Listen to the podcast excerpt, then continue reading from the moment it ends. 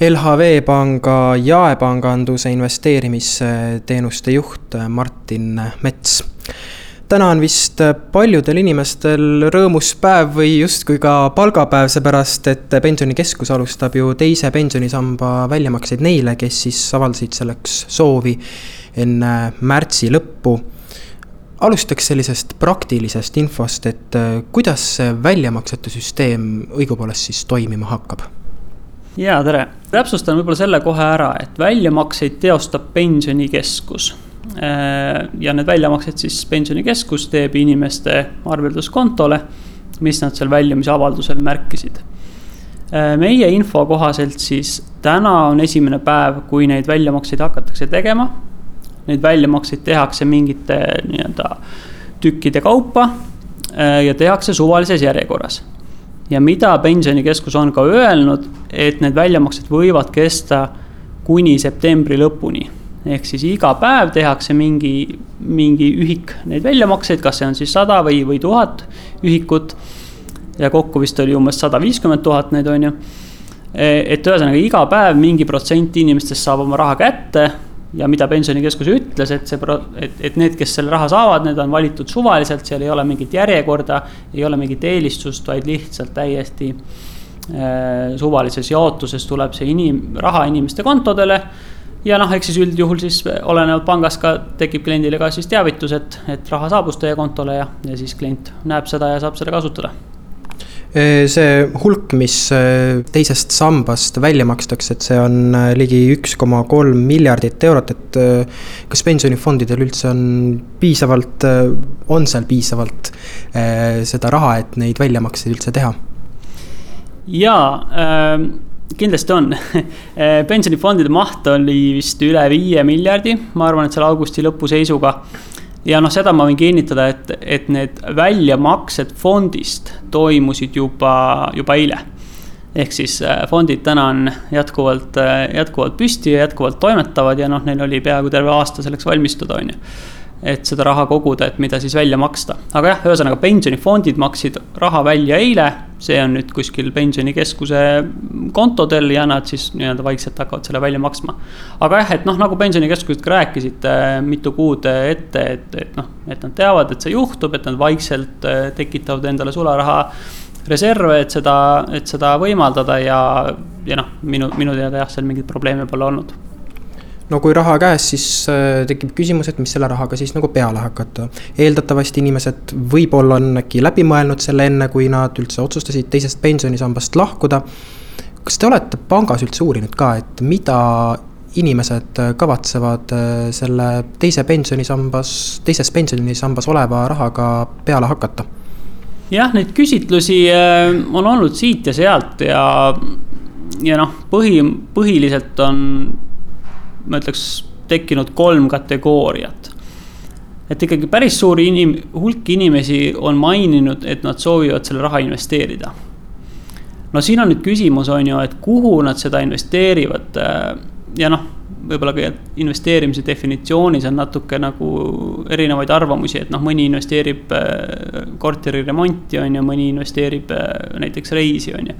Aga noh, kindlasti paljud investeerivad ka näiteks kinnisvarasse, et teevad, teevad sissemakse näiteks mingi korteri ostmiseks või, või midagi sellist. et ühesõnaga investeerimine, see on see igati, igati tervitatav samm. nii, ja siis teine samm, mis on ka põhimõtteliselt igati tervitatav, on siis laenude tagasimaksed. Äh, et kui ikkagi inimesel on väga kulukas laen, noh näiteks mis iganes viiskümmend protsenti aastas intress, mingi kiirlaen või SMS laen või tarbimislaen. Et siis põhimõtteliselt võib ka öelda, et, et kui see intress on ikkagi väga kõrge, siis tõenäoliselt on mõistlikum äh, võtta raha pensionisambast välja ja, ja, ja, ja teha oma praegust finantsseisu paremaks. sest noh, ega see, ega see võlg ka tulevikus ära kao, on ju. et kui sa seda täna ei suuda tagasi maksta ja, ja sa lased sellel kakskümmend aastat koguneda, no siis tulevikus on olukord veel hullem. et eks see kõik keeleb selle intressi ümber, on ju, et, et mis see nagu alternatiivne kasutus on. Aga, aga jah, siis kolmas kategooria, mis on võib-olla natuke murettekitavam on siis puhtalt nagu tarbimiseks väljavõtmine. et näiteks äh, reisid, tehnika ja nii edasi ja nii edasi. jah, täpselt. ja no ma olen aru saanud, et see inimeste põhiline mõte seal on see, et kuna mu pensionifondis on nii vähe raha, näiteks mis iganes tuhat viissada eurot. et, et siis seda ei ole üldse mõtet kogudagi. nii et ma pigem naudin seda täna, kui, kui et noh, tulevikus ma ei saa selle eest võib-olla midagi.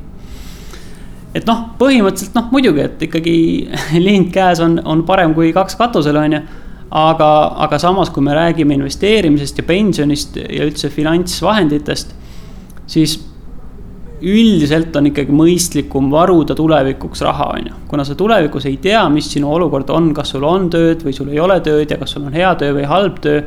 Siis tasub varuda endale puhvreid, et olla valmis olukorraks, mis ei ole võib-olla väga hea tulevikus. aga siit tekib küsimus, et aga kui inflatsioon sööb selle raha ära? absoluutselt, inflatsiooni vastu kõige paremini aitab investeerimine et niikaua, kuni see raha on sul pensionifondis, mis toodab sul ikkagi, mis meil see ajalooline keskmine on, kuskil viis protsenti aastast tootlust. siis sinu raha on ka selle inflatsiooni eest ka, äh, kaitstud. Aga jah, kui sa selle raha võtad endale pigem just välja, paned madratsi alla, siis see inflatsioon sööb seda kaks, kolm, neli protsenti aastas ära, et siis tulevikus tõesti selle rahaga ei olegi midagi teha. Kindlasti on ka neid, kes ei ole veel äh, teisest pensionisambast äh, enda raha välja võtnud ja, aga mõtlevad selle peale, et äkki seda teha, et äh, siin mõningad soovitused, et mis on need argumendid ja üldse, mida tuleks kaaluda enne, mida tuleks läbi mõelda enne, kui see otsus vastu võtta?